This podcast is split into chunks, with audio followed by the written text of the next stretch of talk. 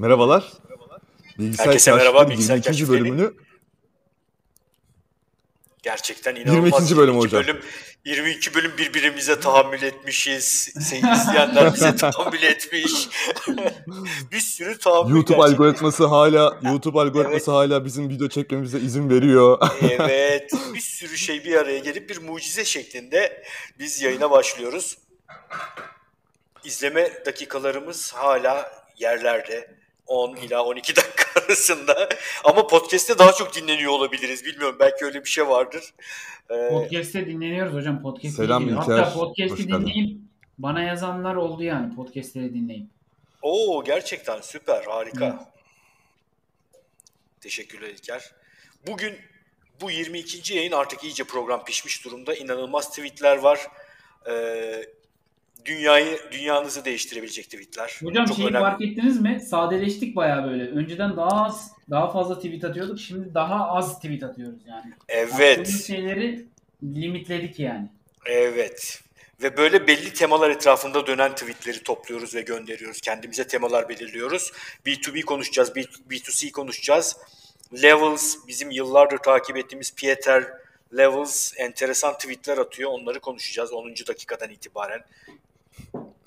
Ve Evet. siz tam tam acaba çıksam mı diye düşündüğünüz anda Steve Jobs'un 91 yılında 1991 yılındaki pazarlama stratejisi hakkında verdiği ders hakkında konuşacağız ki onun da videosu vardı atılan Evet, tweette. bunların hepsi 12. dakikadan sonra olacak olan şeyler. Bir de ne konuşacağız? Bence bu da çok çarpıcı. Çin'de iki tane influencer'ın e, yani do- onun Türkçe kelimesini tam şu an emin olamadım. İki tane influencer'ın iki gün boyunca yaptığı yayın devamında toplam 3 milyar dolara yakın satış yaptırdığını konuşacağız. Muazzam. 3 milyar dolarlık satış yaptı. İki tane YouTuber diyeyim hadi. Onu konuşacağız. Evet. O zaman başlayalım. Evet. İlk olarak gerçekten bu tweet çok muazzam. Bunun ayrıntısını da açarız. Caitlin Borgin kim? Customer, müşteri deneyimiyle, müşteri perspektifinden hadiselere bakma konusunda uzman bir kadın pazarlamacı. Magazinsel tarafı da çok yakın zamanda bir tane çocuğu oldu. Böyle çıtı pıtı falan diyormuşum. Çocuğu Bu- oldu bir de e, e, Ca- Catelyn'in şey var. Newsletter'ı var. E-mail bülteni. O Evet. O e-mail bülteninde yazdı. Şu an ço- çocuğum oldu o yüzden bu hafta pek yazamayacağım diye yazdı. Geçtiğimiz haftalarda da e, eşi trafik kazası geçirmişti. O yüzden bir hafta öyle atlamıştı. Yani bu da magazin olarak kabul ediyorsak onu da söylemiş olalım. Evet, o bir hafta bir hafta falan e, rutininin değişeceğini düşünüyor ama ben dört buçuk yıl yazıyorum kendisine. Kendine. Evet. Hemen hızlıca şey yapalım. Bu evet şimdi ne demiş? Evet. Diyor ki yüzden fazla saat harcamana gerek yok. Senin için alan insanların e, şeyini profilini çıkarttığım gibi akıllı pazarlama nasıl olacağına dair e, şeyler. Dört tane soru ortaya sürmüş. Diyor ki birinci soru insanların satın alma sürecini başlatan, yolculuğunu başlatan triggerlar, tetikleyiciler nelerdir? İkinci soru işte Japsubi'dan diyebileceğimiz onların girişi yapması için ne gerekir? Neyi yapmaya çalışıyorlar yani? Ulaşmak istedikleri şey ne? Üçüncü soru çözümleri için karşılaştıkları pelinler, acılar, sıkıntılar, problemler ne? Dördüncü soru e, onlar e, what are- şey arzuları neler? Bu, Ya bencil arzular neler? Evet evet. Bu dört soruyu cevaplarsan diyor bunların kesişiminde işte next big idea denilen İngilizce'de bunu bulabilirsin. Bu şey de zaten onu ifade ediyor. Şu trigger tetikleyiciler, yaptığı işler, acı noktaları, sonra arzuları bunların hepsinin kesişiminden de şey çıkıyor. Ee, next big idea'yı çıkartabilirsin diyor. Bu, Bu aslında arada- evet. Ee, bunu e, Emre lafını böldüm. Bu dört soruyu nasıl uyguladığını da anlatıyor. Bir tane ürün, bir tane müşteriyle görüşerek, daha doğrusu potansiyel müşteriyle görüşüp bu soruları doğru şekilde sorup aldığı cevaplara göre ürünü nasıl pazarlayacağına karar verdiğini anlatıyor. Bu e, serinin devamında. Yalnızca bir müşteri ve bu dört soru. Ee, Evet. Örneği aç- açıklayalım ister misin? Şöyle yapayım o zaman paylaşayım. Güzel örnek de güzel.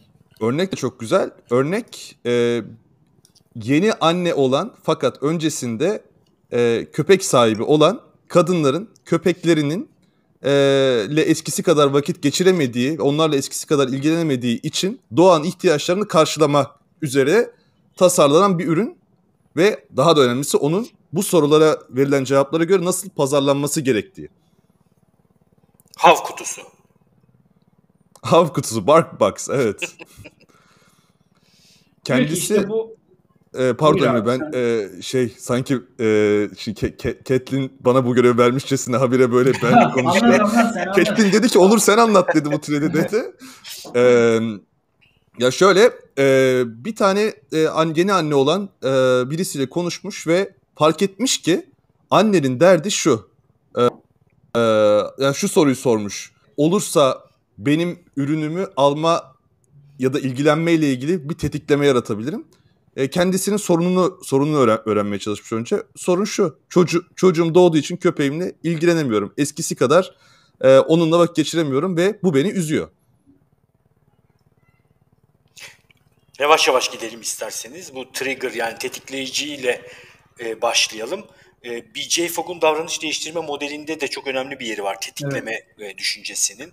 Yani bir davranışın açığa çıkması için o davranışın tetiklenmesi gerekiyor. Senin o davranışı gösterecek yeterli beceriye ve donanıma sahip olman gerekiyor.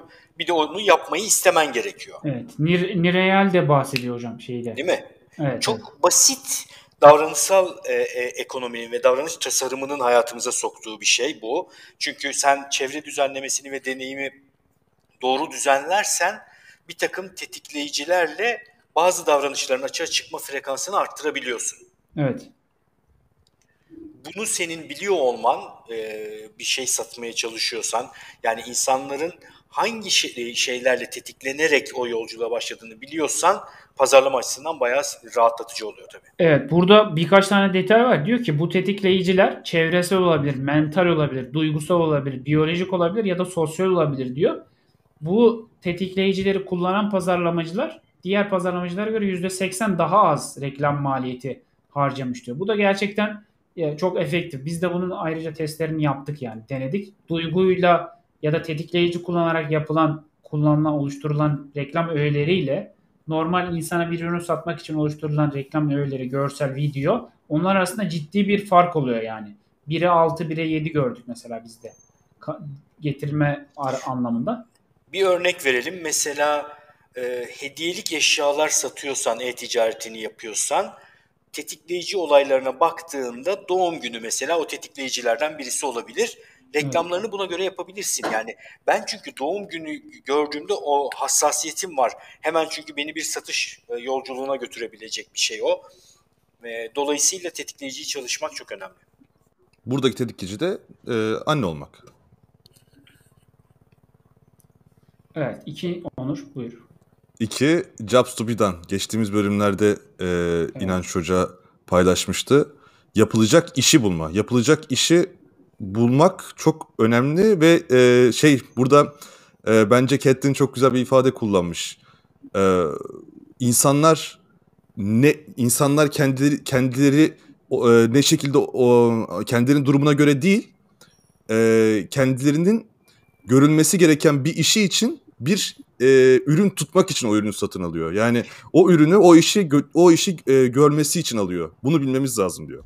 Vay, gerçekten görevlendirmiş yalnız Catelyn. Büyük bir heyecanla, coşkuyla. Şimdiye kadar bizim bizim programa bu kadar çalışmıyorsun Onur ya. Catelyn'in şeyini Hocam Catelyn Onur'u bu işin görülmesi adına evet Aynen. hayır etmiş. görülecek iş olarak. Şimdi bu görülecek iş deyince insan e, biraz böyle fonksiyonel düşünebiliyor. E, kapitalizm içerisinde biraz daha farklı bakmamız gerekiyor meseleye. Yakın dönemde Zizek'ten bir video izledim. Meşhur bu felsefeci Zizek'ten. Coca-Cola'yı kapitalizmin en berraklaşmış ürünü olarak çünkü boş üründür diyor, boş arzudur diyor. Hiçbir şey yoktur diyor. Bir kere çok şekerli, içmesi çok Haz. keyifli değil. Az var ortada sadece. E, Evet. Coca-Cola diyor tüketmenin kendisinin içini boşaltarak oraya koymuştur. İnanılmaz bir şeydir diyor. Bu görülecek iş meselesinde oralara doğru gitmek gerekiyor. Yani fonksiyonel faydanın ötesine geçip bu o insanın dünyasında hangi boşluğu dolduruyor? İnsanlar en temelde çok ciddi anlamda bir ürün satın alırken bir psikolojik ihtiyacı gidermek üzere ağırlıklı olarak hareket ediyorlar. Bir boşluğu kapatmaya çalışıyorlar. Ve o boşluk hiçbir zaman kapatılamayacak. Lacan, Lacan'dan öğrendiğimize göre bunu da bir kötü haber olarak vereyim. Asla dışarıda değil senin boşluğun. Ee, bir başka şeye ulaşarak kapatabileceğin bir e, içsel boşluk değil o. O evet yani tüketen tüketen sıfata sahipsen o bu haber kötü bir haber ama pazarlamacı sıfatına sahipsen böyle çılink çılink ediyor. Onur da zaten zengin oturuşuna geçti şu anda. bu arada hocam bu tweet'in tweet e, şey, bilgisayarın devamında da e, şöyle bir ifade var. İnsanlar e, duyguları sebebiyle alır. On aldıktan sonra da e, alım kararı verdikten sonra mantıklarıyla onu doğrulamaya çalışırlar. Evet bu bu abi şurası da çok güzel. Bence bu tweet'e şey dört maddeye gidelim. Bu ikinci maddede ne? Ben ne yapmak istiyorum? Köpeğim ben başka şeylerle meşgul olurken onun eğlenmesini istiyorum. Ben burada bu aslında. Onun eğlenmesi adına bunu alıyorum. Ben başka şeylerle meşgul. Aslında ne yapıyor? Kendi vicdani şeyini rahatlatmak bir nebze aslında bir anlamda onu sağlamak için yaptıktan burada o yani. Kesinlikle en büyük ihtiyaç bu. Yani köpek bu arada şeyi yine pazara da dokunalım. Aa ne güzel bir fikirmiş. Ben bunu Türkiye'de de yapayım diyeceksen bir, birkaç kere düşün derim. Çünkü bu bayağı lüks bir harcama. Yani e, değil mi? Hani benim zaten bayağı güzel paralarım var. Bunlardan bir kısmını da buna harcayabiliyorum e, ihtiyacı. Böyle güzel fikirleri pazarı test etmeden ortaya at, atmamak lazım. Evet. Sonra Üçüncü bu... soru da şu. Diğer diğer evet. çözümler neden benim acımı gidermedi? Gibi bir şey. Yani ee, ya da diğer çözümlerde... Yok, diğer çözümlerle sıkıntılı noktam ne yani? Ne, aynen. Diğer, e, diğer çözümlerdeki sıkıntılı acı veren noktalar ne? Mesela aynen bu stroller. Walking dog with a stroller is tricky. Yani bebek arabasıyla e, bebek arabasını o, o ürün olarak bu ihtiyacı gidermek için sat, satmaya çalıştıklarında demiş ki müşteri bebek arabasıyla giderken köpeği tutmak zor. E, köpek daycare yani köpek e, bakıcısı tutmak pahalı. E, ve aynı zamanda da parka gidersen park parkı bir ürün olarak düşünürsen köpek parkını e, kucağında bebekle köpek parkına gitmek e, zor. Uğraş, Benim ayrı bir zahmet. Bu da niye önemli? İnsanlar statikoyu değiştirmek için yani ceplerinden para çıkarmaları için e, statikonun değişeceği yönde çok daha büyük bir avantajların olması lazım. Yani diğer alternatiflerin o kadar önüne geçecek ki bu yeni gelen şey. Öbür türlü çünkü ben terk etmem bulunduğum noktayı. Yani konfor alanımı statiko bir ürünü bırakıp başka bir ürüne de geçmem. Bütün bu rakipleri incelemek bu nedenle çok önemli. Yani ben neyle rekabet içerisindeyim? Bunu anlamam lazım. Onların işte orada gerekiyorsa bu kişinin yaptığı gibi mesela başka ürünü kullananlarla gidip konuşup e sen bu ürünü kullanıyorsun ama sıkıntılı olduğun noktalar neler? Neden bu ürün seni tatmin etmiyor vesaire. Belki direkt şeye çıkıp sahaya çıkıp bile geri bildirim alınabilir yani. Denenebilir. Zaten bunları müşteriyle yaptığı görüşme sonrasında öğrendiğini söylüyor Catlin. Yani evet, bunları evet. bunları bir tane müşteriden öğrenmiş dediği kadarıyla. Kendi yani şimdi de geldi selfish de desire. Kendini, kendini savunma da kendi bilgisi de var yani. O kadar da değil. Bir müşteri müşteriden bu kadar iyi çıkarım yapmak zor yani. müşteri sana bu kadar iyi çıkarım vermiyor. Yani. Çoğunlukla da vermez. ee, bak burada burada yazıyor abi. E, people buy for emotional reasons. İnsanlar duygusal sebeplerden dolayı ve sonra da mantıklarıyla o kararı Doğrular. teyit ederler, doğrularlar. Buradaki post-rasyonalizasyon dediğimiz evet. şey değil mi? Bu inanılmaz komik bir deneyi vardır bunun. Yine tekrar edelim o deneyi. E, deneklere kadın fotoğrafları, erkek denekleri gösteriyorlar. Hangisini daha çekici buluyorsun diye. İki tane koyuyor. Bu mu bu mu bu mu bu mu böyle bir tur geçiyor. Bir sürü fotoğraf gösteriyor. İkinci turda tekrar kontrol etmek üzere gösteri soruyor niye bunu seçtin diye. Bazı fotoğrafların yerini değiştiriyor. Yani kişinin seçtiğini değil, seçmediği fotoğrafı gösteriyor bunu seçtin diye. Çok ilginç bir şekilde insanların büyük bir kısmı aslında diğerini seçtiği halde seçtiğini düşündüğü şeyi rasyonel bir şekilde izah etmeye çalışıyor. Diyelim ki e, sarışın bir fotoğrafı seçmiş, esmer bir fotoğrafı göstermişler. Sen bunu seçtin diye e, sanki esmeri kendi seçmiş gibi post rasyonalizasyon yapıyor. Bu da insanın karar konusunda, düşünme konusunda, rasyonalizasyon konusunda e, trajikomik ve zavallı bir tarafı beni çok eğlendirir. Evet. de ben eğlenmişim zaten. Evet dedim.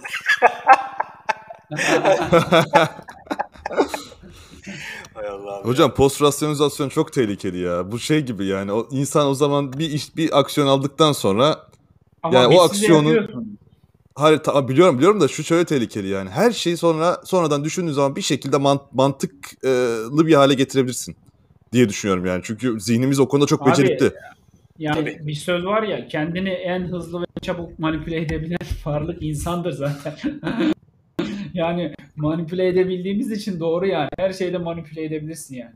Dersin mesela vuruk araba alırsın dersin ki sağlam Tabii şöyleydi böyleydi araba- aynen. Aha. Ha, bu kadar fa- ucuza alamazdım falan dersin yani mesela. Demek ki demek ki insanın o ras- rasyonel şeylerini değil de duygularıyla uğraşacağız yani pazarlamada net bir şekilde. Evet. Şu Trunk Tan bu eleman da baya değişik bilgisayarlar yayınlıyor. Bunun bilgisayarıyla gidelim abi. Evet. Burada Çok Apple'ın iyi şeyler yazıyor bu arada. Son dönemde dikkat ediyorsun değil mi Emre? Evet, Trump evet. bana. çok iyi değerliyor hocam. Bunlar hatta Jake Butcher, Bilal ve bu Trankpan bir şey podcastleri var. Bizim yaptığımıza benzer bir podcastleri. Not Investment Advice diye bir podcastleri var. O podcast'te de böyle şeyleri konuşuyor. Burada şey diyor işte. Apple 2 milyar iPhone satmış yaklaşık. Bu 2 milyar satarken tabii insan psikolojisini çok şekilde anladığından bahsediyor ve hani paketlemede de bunun en güzel, en akıllı örneklerinden bir tanesini sunduğunu söylüyor. Ve onun ayrıntılarından bahsediyor. Ee, bu arada biz bir ürün için incelemiştik. Daha öncesinde incelemiştik. O şimdi buradaki detaylara çok fazla girmeyeceğim de işin özü esasen şu.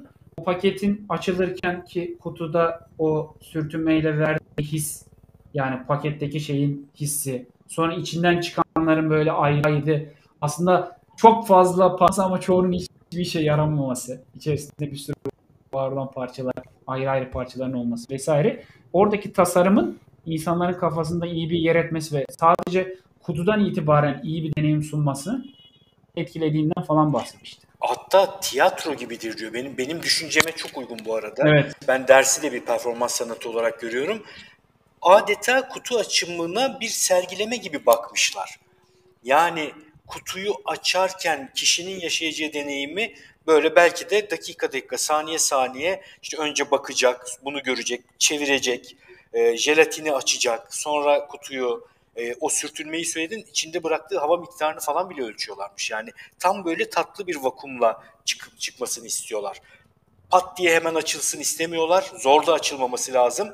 Böyle şey vardır ya sinema perdesi açılması gibi öyle bir açılma istiyorlar.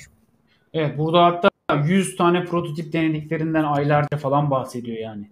Evet, bin saat harcamışlar pa- paketleme üzerine. Ve hatta Aynen. e, paketlemeyle arada- ilgili e, şey tutmuşlar. Hani ş- şarap eksperleri tutuyorlar ya böyle bazı restoranlar. De- deniyor. Yani paket Evet. geliyor, yeni bir prototip geliyor, deniyor. "Hmm, yok olmadı diyor. Yeni bir tanesi yapılıyor falan. Bu arada bir hocam şey Edel söyleyeceğim. Bunu çok güzel modelleyip aynı benzer bir şey yaptılar. O yüzden Edel Kron'a şey diyorlar zaten. Sinema video dünyasının Apple'ı diyorlar. Tabii tabii. Yaklaşımları da benziyor. Ee, bu e, bu şeyde bir şey söyleyecektim ben. Ne diyecektim? Apple'la ilgili. Paketleme, deneme. Birkaç kere enteresan. sözünü kestik ve cezasını Evet, da evet, şekilde, evet, evet, bu şekilde evet, evet. ödüyoruz. Evet evet evet. Tamam neyse sonra. e, ha şunu söyleyecektim. Özen göstermek hani özen gösterelim, ambalajı özen gösterelim falan diyoruz ya. Şuna dikkat ediyorum ben. Bu, bu vakada bunu gördüm. Biraz özen göstermek falan kurtarmıyor. Yani böyle aşırı abartılı ve obsesif bir şey yapacaksın ki karşı tarafa geçsin. Yani şöyle diyelim 100 tane kutuyu aylarca açıp kapatan bir ekibin olması ne saçma bir şey. Onu deniyorlar, bakıyorlar, ediyorlar. Yani bu yıllarca ambalaja gösterilen özen ancak karşı tarafa geçebiliyor. Yani bunun azıyla yeterlisi arasındaki fark çok büyük bence. Evet. Anlatabildim mi bilmiyorum ama yani Kesinlikle hocam anla, anla- Ya buradaki hadise de aslında evet yani biz bu kutuyu tasarlayalım diyerek dediğiniz gibi bu seviyeye gelinmez yani. Buraya gösteril aşırı iyi gösterilmesi ve emek sarf edilmesi gerekiyor. O da ne oluyor? Sen o kadar büyük emek sarf ettiğin zaman karşılığında müşteriye damıtılmış rafine bir zevk sunuyorsun aslında. Kesinlikle. Senin bir zevk oluşmuş oluyor. Bunu zaten videolarda falan bu açılışı gerçekten rafine bir zevk gibi sunuyorlar ya böyle. Başka açılardan falan çekiyorlar böyle kutu açılışı, jelatin sesini falan. Ya zaten e, bu seride de var yani e, YouTuber'ların e, kutu açılış videosu e, kavramının bence gelişi Apple'la. Yani kutu açılışını bir ritüel olarak kabul e- ettiği için artık e, müşteriler bu ritüeli video çekip iz, izletmek de ayrı resmen bir pazar haline geldi. E, zaten e, daha önce bir konuşmuştuk. Bayfok'ta mesajlaşmalarımızda belki hatırlarsınız yazmıştım. İnsanlar kutuları atmıyor. Atmayı, atmamayı bırakın satıyor. iPhone kutusu var 50 TL'ye. Bilmem ne kutusu var 100 TL'ye. Evet, evet. Kutunun ayrı, ayrı bir ekonomik değeri var yani tabii. Koleksiyon yapamam. Bu arada chatten uzak kalmayalım. Fatih demiş ki biraz önce konuşmaya istinaden bir kadın bir ürünü kardeşi, kuzeni veya arkadaşı konumunda olan başka bir kadın da görmüşse yeni satış yapılmış sayılır. Güzel. şey Murat hocamız, değil mi? Murat hocamız da demiş ki hocamızın sözünü kesmeyin. Evet. Baş üstüne. O zaman yeterince Şu anda zaten bütün izleyiciler bizi terk etti biliyorsunuz. 21. dakikadayız. İyice rahat rahat konuşabiliriz yani. bu saatten sonra şeyleri çıkarabiliriz hocam. Altın değerindeki bilgileri burada çıkarabiliriz. evet. Sadece çok özel insanlara ulaşacak bir takım bilgiler kısmına geçelim. Hadi bakalım. Evet. Onur bu tweette ne diyor? Abi hangi tweet olduğunu Şu. Level CEO'nun. Ya özetle şöyle söyleyeyim. Diyor Hı.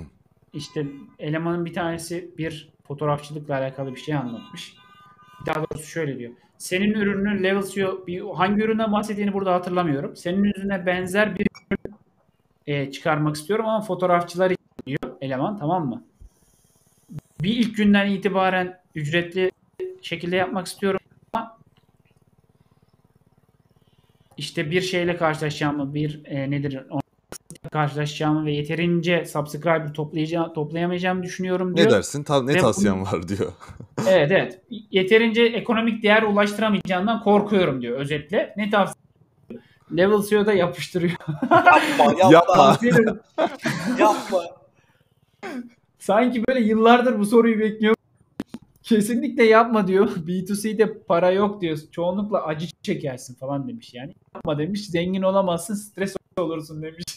Ben bunu sana sana yani ekibe attım değil mi? O zaman Evet. dükkanı kapatalım diye. Ya bu beni çok böyle düşündürdü. Şimdi Level Zero bu işin B2C'den kendi hakkıyla hiç kimseyle çalışmadan tek başına para kazanmanın üstadı. Ama adamın şöyle bir argümanı var. Enteresan bir argüman. Diyor ki ben diyor Remote OK ve Nomad List'ten para kazanıyorum ama 5 tane çok sağlam rolü kendim üstlendiğim için diyor. Pazarlama, kodlama, e, satış vesaire vesaire bakım bilmem ne. Bunların her birinin yıllık maaşlarını topluyor. Bence diyor şu an eksideyim ben. Ben böyle delicesine rolleri üstlenebildiğim için bunu yapıyorum. Ve B2C'yi bayağı zor olarak tarif ediyor. Benim deneyimlerime aykırı. Yani insan şöyle düşünüyor. Herkes kendi bildiği kadarıyla dünyaya bakıyor. Kendi bildiği o bilgi parçasıyla dünyaya bakıyor. Ben şimdi B2B'yi de tanıyorum. Uzun satış döngüleri, çok fazla sayıda karar alıcı, e, keyfi verilmeyen kararlar, geciktirilen ödemeler, e, senden hızlıca vazgeçilebilme ihtimali, bir sürü problem var orada da. Hatta bootstrapping yapıyorsan yani kendi yanında kavrularak bir girişim yapacaksan bence B2C yap tabii ki yani. Çünkü anında sıcak para toplayabiliyorsun. Yani pek katılamadım Levels'a. hocam- Evet ben de katılamadım. Bence işte Levels'ın şey yapmasının sebebi en büyük sebebi de insan ha işte birilerini işe almak, o denli büyük bir ekip çalıştırmak vesaire onlar ona çok uzak geliyor. Çünkü niye adam tek düşüyor.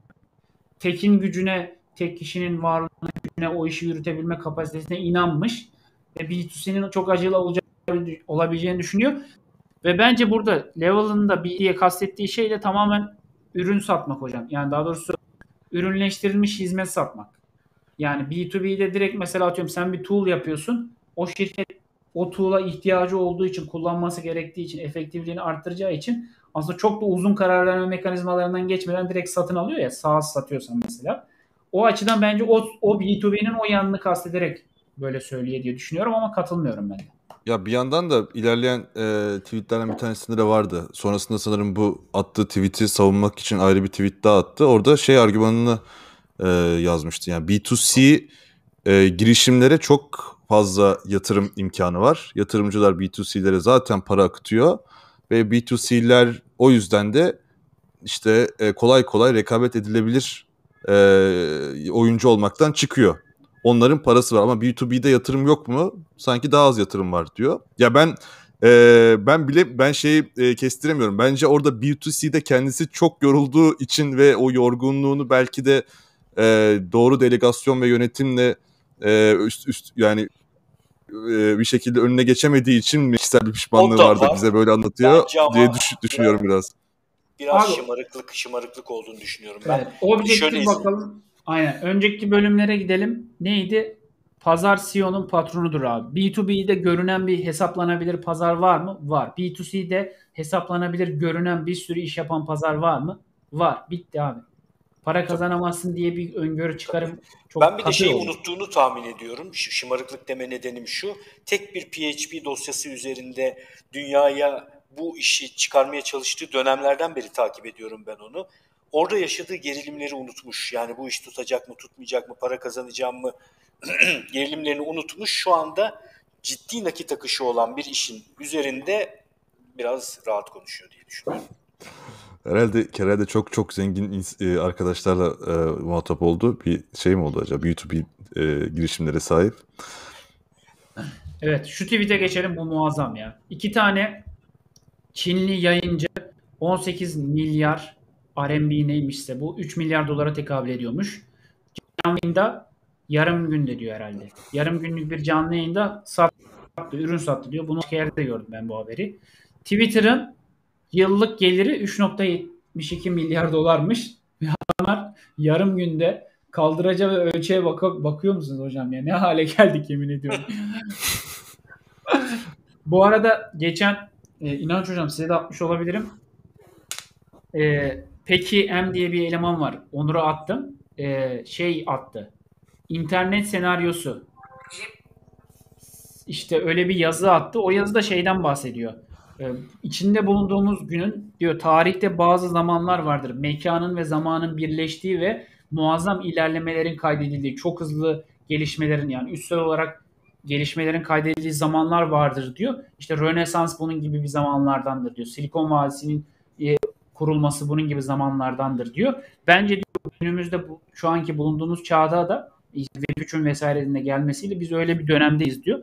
Ben de bunu onun etkisi yani onun bir parçası olarak görüyorum. Evet e-ticarette bir sürü satışlar yapmaya çalışıyorsun. Yılda belli bir hacme ulaşmaya çalışıyorsun falan. Sonra iki influencerla anlaşıyorsun ve yarım günde Twitter'ın bu kadar hacme ulaşıyorlar mesela. Ya evet bu arada bu influencerlar, influencerlar hakkında da araştırmış deniliyor. Zaten kendisi de galiba e, Çinli birisi. İki tane şey olduğunu tespit etmiş. Onu paylaşalım. Belki onun üzerinde de konuşabiliriz. Influencerların bu satışı yapan influencerların e, ikisinin de e, sürekli durmadan e, ürün denediğini ve ürünleri e, deneyip e, reklam e, ona reklam verenlerin ona verdiği paraya bakmaksızın gerçekten kaliteli olup olmadığı konusunda uzun yıllardır e, yorumlar yaptığını ve bu sayede e, tüm izleyicilerin e, samimi güvenini kazandığını e, ve aynı zamanda da e, e, izleyicilerin düşünerek satış yapacağı zamanlarda e, tedarikçilerle bu ürünü e, ürünleri tanıtmasını isteyen tedarikçilerle çok sıkı pazarlık yaptığını ve piyasadaki en yakın e, fiyattan e, en yakın fiyatın dahi çok daha altında fiyatlarda satış yaptırabildiğini ve bu başarısının sebeplerinden iki, yani gö- sebepleri olarak bu ikisini de gördüğünü söylemişti. Bunu da paylaşmış olayım. Evet. Süper. Yani insanlarla bağ kuruyor aslında. Oradaki duygusal bir bağ var kesinlikle. Ona güven güven temeli var. Influencer'larda mesela şu an yaşanan en büyük bir tanesi belli bir süre sonra insanlar kişiye güvenli duyuyor. Niye? Her şeyi paylaşıyor mesela. Bütün markalar anlaşıyor. hı. Olur olmaz kitlesine hitap edecek her şeyi paylaştığı için o şeyi güveni kaybediyor aslında. Tabii. Bir Hatta Twitter burada çok fazla- Siz de bugün rastladınız mı acaba? Ee, Web 1, Web 2, Web 2 ve Web 3'ü tarif etmek üzere. Şimdi artık iyi anladım diye ya David Perel ya Levels yine atmıştı galiba. Web 3 insanlar üretir, insanlar yer. Web 2 e, insanlar üretir, şirketler yer ve biri hatırlamıyorum. İnsanlar üretir, insanlar yer. Hayır. Web 1'de insanlar bir şey üretmiyor ki. İnsanlar yiyor. Bir şirketler bir şey üretiyordu. Tamam, Orada duruyordun. 3'te Sonra insan- okuyordun. İnsanlar üretir, insan yani. Web- Ha Web 3 aynen Web 3 Web aynen. 3 İnsan- insanlar üretir, insanlar yer. Evet web bir şey olabilir. Şirketler üretir, insanlar yer olabilir. Güzelmiş. Evet, çok basit Evet. bir şekilde anlatmış doğru. Evet burada da Steve Jobs'ın şimdi bu videonun içine girmeyeceğiz ama Steve Jobs veha olduğu için Steve Jobs'ın bir pazarlama stratejisini nasıl işte alt kırılımlara ayırıp vesaire o bir video var. Diyor ki hiç şüphesi yok diyor. Ne konuştuğu hakkında herhangi bir. Yani kendinden çok emin. Ee, burada tabii Aaron Alton'un bunu paylaşmasının sebebi ne? Çizimle nasıl daha iyi iletişim kurabileceğini, anlatımını nasıl daha gerçekleştirebileceğini dahi paylaşmış da bizim buradan aldığımız şey ne? Steve Jobs'tan aldığım şey. Steve Jobs'ın ne kadar iyi analiz edebildiği ve o pazarın haritasını bir videoda çıkarabildiği. Onu çok net görebiliyordum. Ben de burada e, gerçekten etkileyici buldum. Steve Jobs'ın bu kadar pazara hakim olması, bütün oyuncuları takip ediyor olması ve pazar açısından kendilerinin ne yaptığını anlamaya çalışması. Yani bütün mevzu zaten. Sen nasıl bir pazarın içerisinde nasıl bir şey yapıyorsun? Bunu Ya- kaybetmek çok şey sıkıntılı. Hocam bu arada o videonun e, bazı yerlerinde önce o video ile ilgili yayından önce size söylediğim şeyi de paylaşayım izleyicilerle. Videoda rakip olarak gördüğü bazı e, firma isimlerini sayıyor. Next diye bir firma var. Yani var böyle birkaç tane firma var. Şu an e, hatırlayamıyorum çünkü hiçbiri artık yok. Yani hiçbiri kalmamış neredeyse. E, rakibimiz bu dediği e, pek bir e, şey piyasadan e, oyuncu kalmamış. E, orada şey diyecekti, şey diyecektim de şunu fark ettim. E, yayında şey diyor. Aa, insanlar aslında bunu istiyor. Aslında insanların buna ihtiyacı var. Hani sanki haberleri yok ama e, öyle öyle bir workstation değil de böyle bir workstation'a ihtiyaçları var ve biz de bunu yapacağız gibi kendisi e, daha o zamanlarda 91 yılında bu e, yayın galiba bu ders. O zamanlarda diyor ki yani böyle bir şeye ihtiyaçları olacak haberleri yok. Biz o yüzden bunu yapmaya yöneleceğiz gibi e, cesur ve kendine güvenen kararlar verdiğini görüyoruz.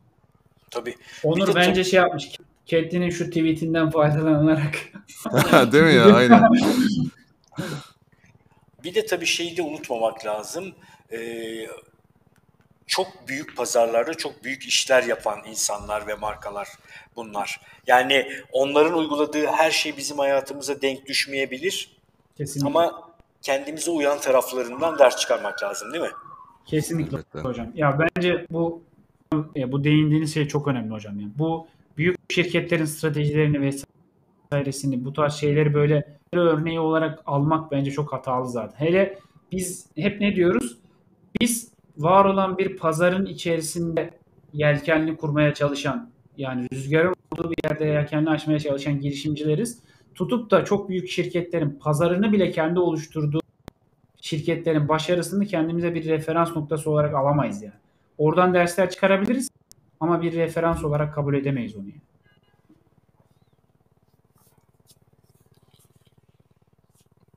Devam. Evet, onları on, kopyalamak doğru. Onları kopyalamak bizim için yani hüsran olma ihtimali olan bir yolu sü- sürükleyebilir. Yani Steve Jobs bunu yaptı o yüzden ben de şimdi e, bu Yani- ufak B2C girişimimde hemen bunu yapmam lazım diye eğer ilkesel olarak yaklaşamazsak ve doğrudan kopyalamaya çalışırsak herhalde çuval çuvallama ihtimalimiz var.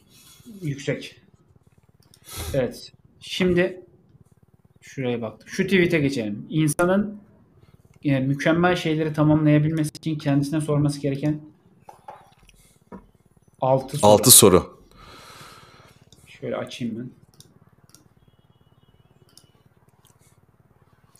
Onur sen bir otel gibi bir yerde misin bu arada? Aynen. Yani belki Otel- açıklamak istersin. Ee, yok aynen otel, oteldeyim. Oteldeyim. Ev, evi, evi- evimi ve odamı bu şekilde hiç, hiç tasa- tasarlamadım ve muhtemelen hiçbir zaman tasarlamayacağım onu açıklayayım. evet. Ee, Onur soruları ben okuyayım istiyorsan. Sonra üzerine konuşalım. Okey. Yani aynen. Sen böyle çünkü bu, bu arkadaşın da bu arkadaştan da bir görev almış gibi hissettim sen böyle bunu. Şöyle bir şöyle bir doğru, doğrulunca mı şöyle bir derin Doğru, nefes aldım. doğrulunca harekete geçeceksin gibi hissettim. Yok sen başlayabilirsin. Yok hayır. Kendisiyle henüz Evet, temas birinci olmadı. soru diyor ki kendine söz verip bunu tutabiliyor musun? Çok basit. Yani açıklamaya, izaha gerek olmayan. Ve bence yanlış. Ben bilmiyorum. Şöyle, ben şu yani e, bu e, şey tweet'in içerisinde ne kadar katı bir e, şekilde bunu savunuyor onu tam anlayamadım ama ben insanın kararlarından gerektiği zaman e, şartlar değişince vazgeçmesi gerektiğini, verdiği sözler neyse onlardan vazgeçme, vazgeçebilmesi özgürlüğüne sahip olması gerektiğini düşünüyorum. Yani sıkı sıkıya e, verdiğim bir karara bağlı kalıp yanlışa doğru gitme e, teoride mümkün mü? Mümkün. E o zaman e, sözüne kesinlikle bağlı kalmak da teoride yanlış olabilir. Bence burada onu kastetmiyor ama ya. Yani öyle sözünden O zaman tamam. vesaire gibi bir şeyi kastetmiyor yani. burada söylediği basitçe şunu yapacağım deyip yapa- yapıyor musun yani? En temel haliyle bir şey. Çünkü başarmak var ya burada. Özünde Ben Yıldız Tilbe'den bir söz paylaştım yakınlarda Instagram'da. Muhteşem kararlar aldım. Uygulayacağımı sanmıyorum. özeti evet. Özeti bu yani. Sonra diğer soru. Ya bu soruya da Onur kesinlikle karşı çıkacağını düşünüyorum. Kararının alkı, al- arkasındaki nedeni şey yapabiliyor musun? Ortaya koyabiliyor musun? Onu betimleyebiliyor musun? Emre o kadar yanlış düşünüyorsun ki yani be- benim şu anda hayatımı zaten tasarlama ilkelerinden ilkelerinden bir tane neden e, bazı kararlar Karar veriyor. Arkasında ne gibi sebepler var? E, Hatta bence kara bir tane tweet atılmıştı bana. Ee, bir genç yazılımcı ileride olacağını söyleyen öğrenci. Ee, ben de insanlardan yorumunuz var mı demiştim. Onur'un Hmm. yaptığı yorumda e, nedenini düşün. Niye bunu yapmak istiyorsun? Olmuştu. ya Emre gördün mü nasıl da yanıldım Saygı bak. destekledim. Ben de default olarak buna da karşı çıkacaksın falan değil. Evet tamam. Evet. bunu e, yani burada da şey demek istiyor. İşte üzerine aslında geçmiş olduk ama e, gerçekten de kararların arkasındaki nedeni e, bilmek lazım. Çünkü ger- yani e, bu berrak düşüncenin aslında bir ürünü. Neden bu kararı verdiğini bilebilmek ve bence neden bu kararı verdiğini samimi olarak berrak bir şekilde bilmiyorsan o kararını e, özellikle o kararın uygulaması e, zor olduğu zamanlarda uygulamaya devam ettirmek açısından sıkıntılı. Yani benimsememiş ola- olabilirsin o, ka- o kararın sendeki doğruluğunu, se- senin içine işlemesini ve ba- bazen de bazı elbette zorlanacaksın. Y- Yıldız Tilbe mesela daha karar veri vermez zorlanmaya başlamış. Ee, çünkü benimseymemiş belki de yani. Ee, benimsemek için önemli olduğunu düşünüyorum nedenlerini. ben Ama hatta ben şu şey şey çok iyi yani. Nedenini bilir pardon Emre. Nedenini bulamazsan o kararın sendeki e, senin kurucu değerlerinde ya da senin e, sahip olduğun ilkelerdeki karşılığını bulamazsan belki o anda o karardan vazgeçeceksin. Aa diyeceksin ya ben benlik bir şey değilmiş bu karar diyeceksin. Bak Fatih çok güzel demiş. İnanç hocamız buna katılır. Küçük neden yerine Aristo'nu kararın arkasındaki iyi mantığı daha önemli demiş. Evet yani nereye nereye gidiyoruz bu e,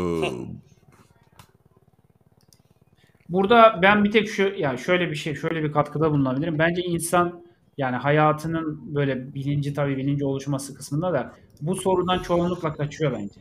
Yani bir kararı evet verdim ama bunu neden verdim? Mesela ben bu kararı neden verdim sorusunu kendine sorup cevaplamıyor. Çünkü niye? Bu zor bir soru aslında. Bir kararı neden verdiğinin nedenini altında yatan temel nedeni bulmak senin kendine karşı yeterince dürüst olmanla alakalı. Ya bu da zor bir şey yani. Senin konfor alanından çıkman lazım bu soruyu cevaplaman için. O yüzden zor bir şey aslında. Kolay bir şey gibi gözükse de zor bir şey yani. Bir kararı neden nedene oturtabilmek diye düşünüyorum.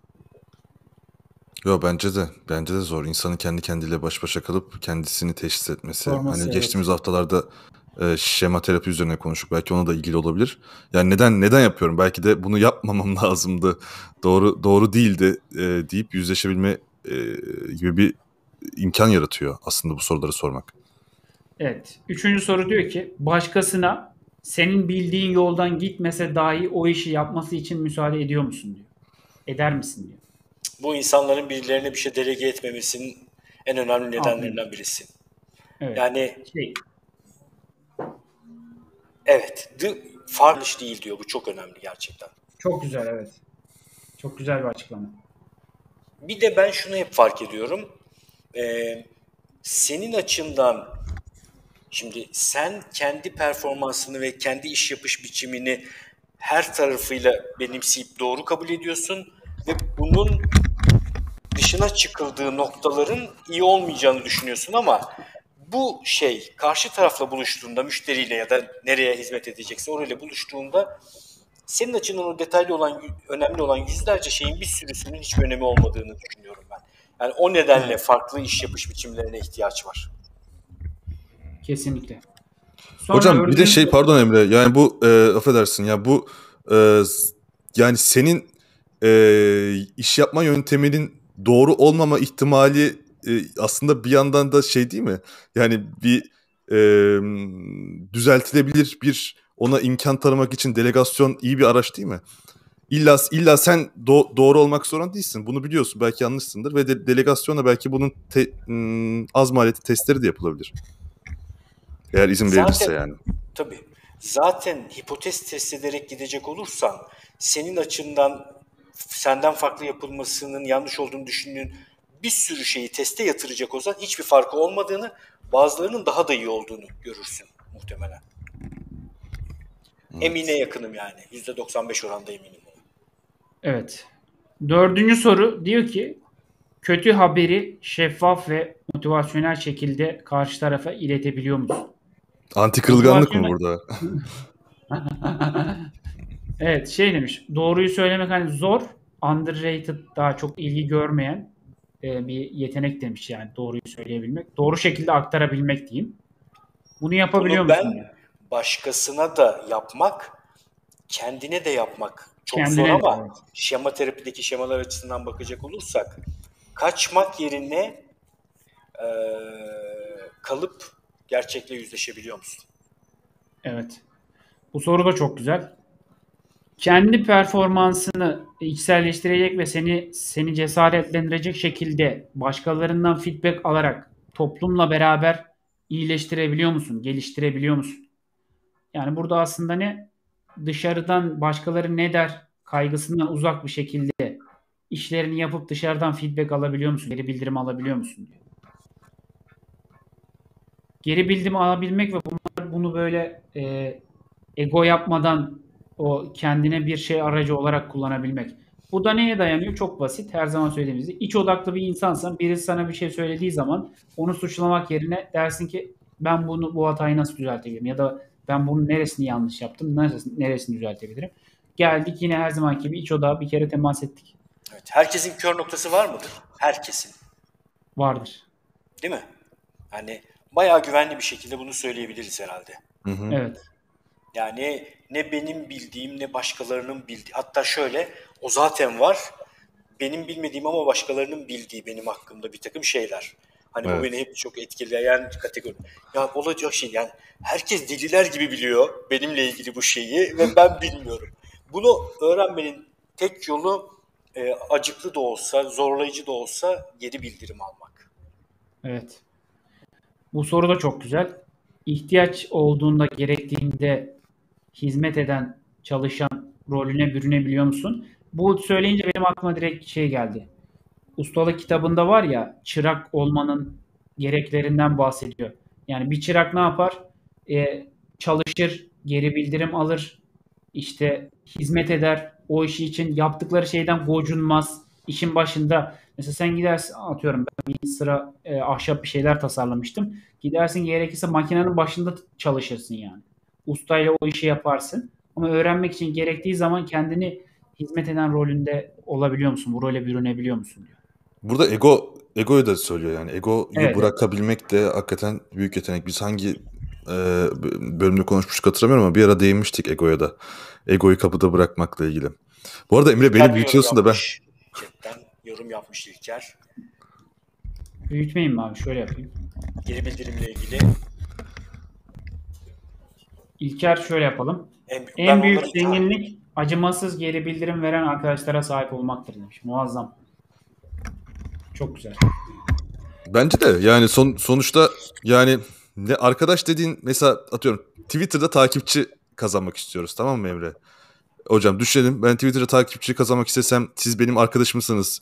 Sizden ee, desteği diğer insanlara nazaran nasıl daha iyi alabilirim? Beni takip eder edebilir misiniz diyerek mi yoksa beni e, tweet daha önce attığım tweetleri acımasız da acımasızca değerlendirerek bana destek olur musunuz diyerek mi daha iyi destek alırım? Bence bence beni bence asıl asıl değer burada sizin beni takip etmeniz değil de bana feedback vermeniz olacaktır. Yani feedback her zaman kural olarak eğer e, amacı şey değilse, yıkmak değilse diyeyim yani siz kötü niyetli da- davranmayacaksanız bana o soruya cevap verirken ben ondan çok faydalanacağım demektir. Şey Naval'ın bir tane tweet'i vardı ya konuşmuştuk o aklıma geldi. Criticism without creativity bir şeydi yani. Ee, şey pesimizm. Aha, yaratıcılık Kü- olmadan eleştirmek kötülüktür falan tarzı bir şeydi yani. O tarz bir o tweet aklıma geldi.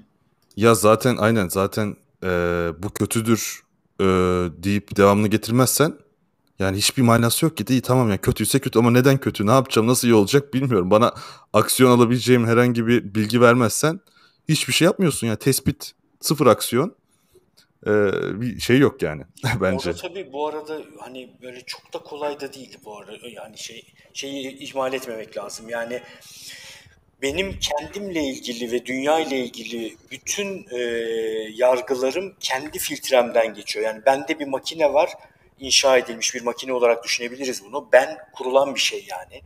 Ve bir takım deneyimler sonrasında çocukluktan itibaren kuruluyor. Benim o ben dediğim şey yani şöyle bir şey değil. Bende bir doğuşta bir ben vardı da o yavaş yavaş bir şeyler öğrenerek gelişiyor gibi düşünmemek lazım. Deneyimler yoluyla kurulan bir Evet. şey ve gerçekliği şu ya da bu şekilde çarpıtıyor. Bütün o çarpıtmanın içerisinden çıkan şeylerle bakıyorum ben. Bana iletilen geri bildirime bile öyle bakıyorum. Yani bana aslında söylenen şey şöyle bir şey oluyor o geri bildirim anında. Eğer benimle ilgili çok kabullenemediğim ve ilgisiz bulduğum bir şeyse benim bütün o filtrelerimden geçmiş olan bir görüntüyü bana başka bu, bu görüntü bu değil diyorlar ama ben hala onu görmeye devam ediyorum. Bir kitapta okumuştum şeyi düşünün yani gözümde güneş gözlüğü var ve gözlük olduğunu unutmuşum ve hep oradan görüyorum dünyayı. Renkleri de öyle görüyorum. Birisi bana diyor ki bak burada sapsarı bir şey var diyor. Çok sarı. Benim işte e, kahverengi güneş gözlüğüm onu turuncuya dönüştürmüş. Böyle bir şey diyor. Sen böyle bir şeysin diyor mesela. Sapsarı bir şeysin diyor. Ben ama turuncu görüyorum. Gerçekten öyle görüyorum. E, onun için işte bu geri bildirimi aldıktan sonra şeye dönmek gerekiyor. Yani ben niye bunu göremedim? Bunu verili kabul edeyim ve doğru kabul edeyim ve bunu niye göremediğimi sorgulayayım diye bayağı böyle bir işle kendi üzerine çalışmak gerekiyor. Çok zor hocam ya. O zaman insan şizofreniye doğru gider aslında. ben- ya ben Evet, bunu bu böyle değil galiba. Bu da böyle değil galiba. Yani ke- gerçek gerçeklik şeyine e, sıkıntısına göre bu gerçek mi? E, bu değil mi? E, gibi sıkıntıya girersin. Ya işte Kolay değil. o başta dediğimiz şeye geliyoruz. İşte o yüzden kendini manipüle etmek insan gerçekten çok kolay manipüle eden bir canlı yani. Manipüle edebilirsin. Pozitif tarafta da manipüle edebilirsin. Negatif tarafta da manipüle edebilirsin yani. Ama şey şey yapamazsın ki hocam bence. Hani sen onu hala sarı görüyorsan gerçekten ya da neyse atıyorum turuncu gö- görüyorsan o örnekte e, onun sarı olduğuna hiçbir zaman gerçekten de inanamazsın diye düşünüyorum. Eğer turuncu görmeye devam edersen. Edebilir misin? Ama ne Ya yapabilirsin? inanabilir ne misin yani? yapabilirsin? Adım atabilirsin. Adım atabilirsin o yönde. Yani ben bunu neden turuncu görmüyorum diye sorabilirsin kendine. O daha içe alıp sorabilirsin. şöyle- Tamam tamam sorabilirsin. Başkalarına sorarsın. Sen de mi bunu sarı görüyorsun? Yani başka turuncu gören var mı benim gibi? Bu turuncu mu, e, sarı mı hakikaten? Sonra yavaş yavaş bir dakika böyle hani yoklaya yoklaya bir dakika gözlük var bende galiba ya falan Hmm. ulaşma ihtimalim var. Gözlüğü çıkarabilirsin. Böyle enteresan bir şey gerçekten. Ee, yakın dönemde ben bir retweet ettim. İhsan Hoca böyle bir şeyi tweet etmişti. Ben de retweet ettim. Gördünüz mü? Bir tane böyle grafik ve böyle tırtıllı bir grafiğin içerisinden Coca-Cola kutusunu Hmm, evet. olarak görüyoruz İçinde ama kırmızı yok. değil. Aha. Ya, Ama yani- kırmızı var yani. Bunu Ya, ben şimdi sana sorsam kırmızı var. Evet. Emre'ye sorsam kırmızı. evet, evet, evet. Evet gerçekten o, o tweet'i alabildik aslında evet. Evet bu bir sonraki tweette Derek Sivers. Derek Sivers da gerçekten benim sevdiğim en meşhur belki daha önce söylemişizdir. Hell yeah or no. Yani bir şeyi gerçekten işte bu demiyorsan hayır de diyor. Öyle bir filtresi çok Harika muazzam. filtre. Çok güzel. Burada da yine başka bir şey. Bu da yeni bir kitabından alıntı yapmış. How to Live ile Nasıl Yaşarsınız kitabında şöyle bir bölüm var diyor. Benim de acayip hoşuma gitti. Bir şeyde ustalaşın diyor. Zor olan, gerçekten zor olan bir şeyde misyon edinip manyak seviyesinde manyak seviyesinde ustalaşın diyor. Bir şey seçin ve hayatınızın geri kalanını ona deriş- derinleştirmek için harcayın diyor. Uzmanlık ulaşabileceğiniz en iyi hedeftir diyor. Orada da e, bunu diyor zenginler satın alamaz. Sabırsızlar acele ettiği için ulaşamaz. E, şeyler e, Ayrıcalıklar. ayrıcalıklılar Ee, aynen Gerekirler. ayrıcalıklar miras kalmaz falan neyse evet. kalmaz evet. Kimse de sizden- çalamaz. Çalamaz diyor. Muazzam. Çok enteresan bir şey değil mi? Sadece ağır ve uzun yıllar çalışmayla elde edilebilecek bir şey ustalık. Evet. İyi de hocam ya peki o değilse? O E, değil uğraş değilse değil. yani. Evet ya o cevap o değil değilse ne olacak? Yapacak bir şey yok. Sonradan rasyonize edeceksin değil mi? Hayır ama Ya çünkü başka çaren yok yani. O, öyle mi öleceksin yani? Ama, Ama doğrudur hayır diyeceksin. şurada hayır. Bence şurada yanılıyorsun. Sonuçta bir şeyde yeterince derinleşirsen onun zaten senin için olup olmadığını anlarsın. Mesela düşün tiyatro yapıyorsun yıllarca tiyatroda derinleştin. Ya bir süreden sonra o şeyde derinleştiğin zaman şunu dersin tiyatro bana göre değil evet ya da bana göre. Ya da ben bununla iyi şeyler o yapabilirim. zaman o zaman gürültü yapacaksın. Ha böyle kapı mı çalacaksın? O doğru doğru kapı mı diye. Yani böyle zilleri Evet bas, abi, basacaksın. çalacak, Seslerini duyacaksın. Kapı çalmak zorundasın zaten ki. Yani mesela sen nereden örnek veriyorum ben dijital pazarlama alanını hiç denemeseydim nereden bilecektim dijital pazarlamayı gerçekten sevdiğimi? Bilemezdim ki gayrimenkul danışmanlığı vesaire yapan bir adamdım yani. O kapıyı çaldın. O, o kapıdan gelen ses, oradaki gelen ses seni çok şey yapmadı, çekmedi. Evet. Nasıl bir şey olabilir mesela Onur? Öyle bir şey düşündün mü? Yani nasıl bir şeyde ustalaşıp da bunun aslında o olmadığını düşünmüş olabilirsin? Uf, işte bak soru geldi. Ya şöyle e, yani herhangi bir me- mes- ben meslek adına söyleyeyim ya meslek de diyebilirim. Bilmiyorum o e, Severs'ın e, şey sözünün kapsamına girebilecek bir şey. Bir, bir mesleği yaptım. Başladım mesleği yapmaya. Ve o da bir ünvandı. O ünvanı aldın, devam ettin. İyisin. E, ekonomik olarak da iyisin. E, insanların e, te- insanların öngördüğü başarı kriterleri kapsamında da iyisin. Ve gidiyorsun böyle gidiyorsun. Ya bunlara ustalaşıyorsun. Ee, yani bunu ama e, eğer sorgula... ki iyi bir tarihçi olmaya çalışıyorsun ve makaleler yazıyorsun, kitaplar yazıyorsun ve iyi bir tarihçi oluyorsun değil mi? Hı hı. İyi aynen çok güzel hocam. Teşekkürler yardım için. İyi bir tarihçi oluyorsun. Ee, ve sonrasında ustalaşma evresinde ol- olduktan sonra bir ara belki daha önce sormadığın bir soruyu yeni sorduğunu gö- görüyorum bu senaryoda. Diyorsun ki ya aslında bu değil de ben e, ben aslında ressam mı olacaktım? diye klasik Evet. soru. Ben ben aslında bir içerik üreticisi mi olacaktım diye soruyorsun ve e, o soruları sorup e, belki de o de, denemeye başlayınca biraz tadını alınca o yemeğin yani böyle bir sürü metafor bir arada kullanılmış olayım. O yemeğin tadına varınca aa diyorsun ya evet ben aslında ben aslında bu yemekleri seviyormuşum e, deyip belki tarihçilik ünvanını ve oradaki ustalaşmada usta yaptığın ustalaşmanın hayatındaki asıl yapman gereken şey o zaman fark edebiliyor fark edebilirsin diye düşündüm şimdi sesli düşündüm yani. Anladım, güzel. Ee, e, şimdi şöyle bir şey tabii zor. Yani 4-5 tane ömür boyu ustalaşacak şeyde ustalaşma şansına sahip olmuyorsun. Dolayısıyla eğer öyle bir şey olursa o ustalığı da cebine alıp e, o ustalığı diğer gittiğin yerde kullanıp e, orayı zenginleştirmek üzere gidiyor olabilirsin. E, öyle bir yani sonuçta tamamen Anladım. kayıp olacağını düşünmüyorum ben. Ama tabii ki Kesinlikle. Değil mi? Ama şeyi kaybetmiş oluyorsun tabii ki. Çok uzun yıllarda ustalaşılabilecek birden fazla alanda ömür boyu ustalaşmak çok mümkün olmuyor. En ideali terk ettiğin alanın da gittiğin alana fayda ettiğin olması, Hı hı. transfer edebilmen ve öyle yer değiştirmen herhalde iyi olur. Bir de hocam çok ben- teşekkürler. Bayağı güzel oldu. Bu arada Emre pardon şunu sö- söylemem lazım. Şimdi sen söyledikten sonra İnanç Hoca'nın podcastlerinin ilkideki işaretler aklıma geldi. O tarihçinin hocam işaretleri okumada da birazcık ehil olması gerekiyor bence.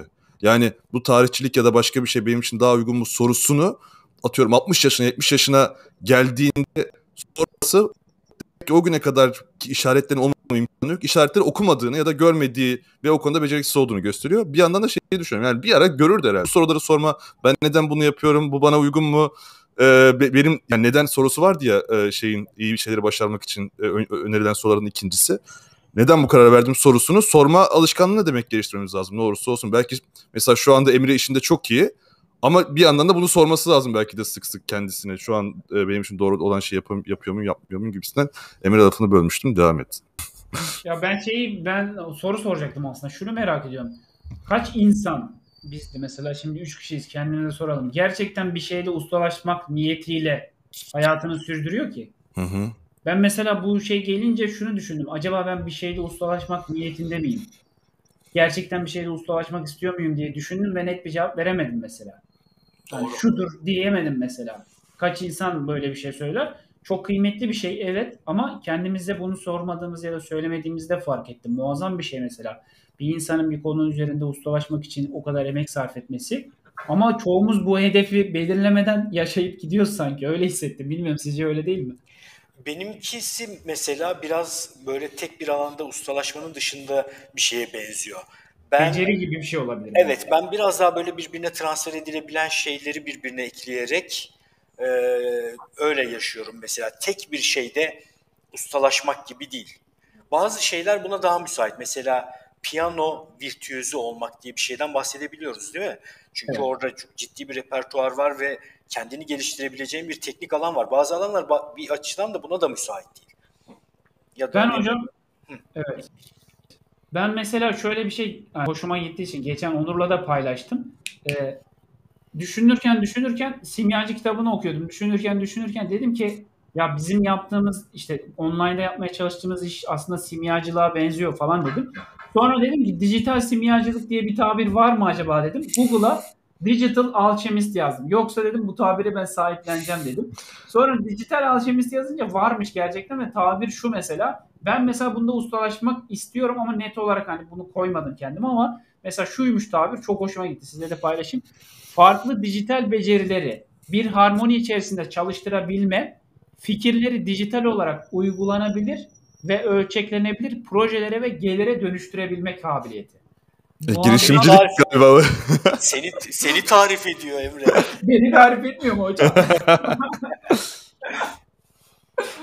Böyle bir şey mesela hani e, ustalaşma deyince benim aklıma kesinlikle şey gelmedi nedense. Piyano çalmak vesaire gibi değil de bir beceri. Mesela bu bir beceridir yani simyacılık mesela. Bir beceri, dijital simyacılık adı neyse. Bu bir beceridir. Belki böyle bir beceri setinde ustalaşmak olabilir. Hikaye anlatıcılığı mesela. Bu arada Ustalaşmak bu... deyince ben hep aklıma şey geliyor. Bir alanda vakalar, bir sürü vakalar görerek e, o alandaki kompleks ve bulanık şeyi, e, manzarayı ber, kendi berrak açından daha berrak hale getirebilmek. Yani başkaları baktığında o kadar berrak göremiyorlar ama sen o kadar çok vaka görüp, o kadar çok problem çözüp, o kadar çok şey yapmışsın ki, ya mesela ne bileyim bir marangoz ustasıysan başkaları için 100 tane kütük var önünde hangisini seçeceğinin kararını veremiyorken sen, senin açından o işe uygun kütüğü seçmek artık bir problem değil gibi. Ben buraya smile attım gözüküyorum e, YouTube'a. Ben, ben attım hocam. Ben attım. o şey İlker Simyacı kitabından alıntı yaparak kişisel menkibeni izle demiş de. Çok güzel. Ben delirmedim yani. Senin buradan yazdıkların tabii otomatik e, account üzerinden gidiyor değil mi? Evet evet. Gülücük bir şeyde aslında... ustalaşmaya başlayınca diğer her şeyden uzaklaştığın hissi çok kötü. Ustalaşmaktan vazgeçirebilecek derecede kötü demiş Fatih. Hmm. Ya burada işte şey daha önce belki konuşmuştuk. T şeklinde düşünüyorum ben.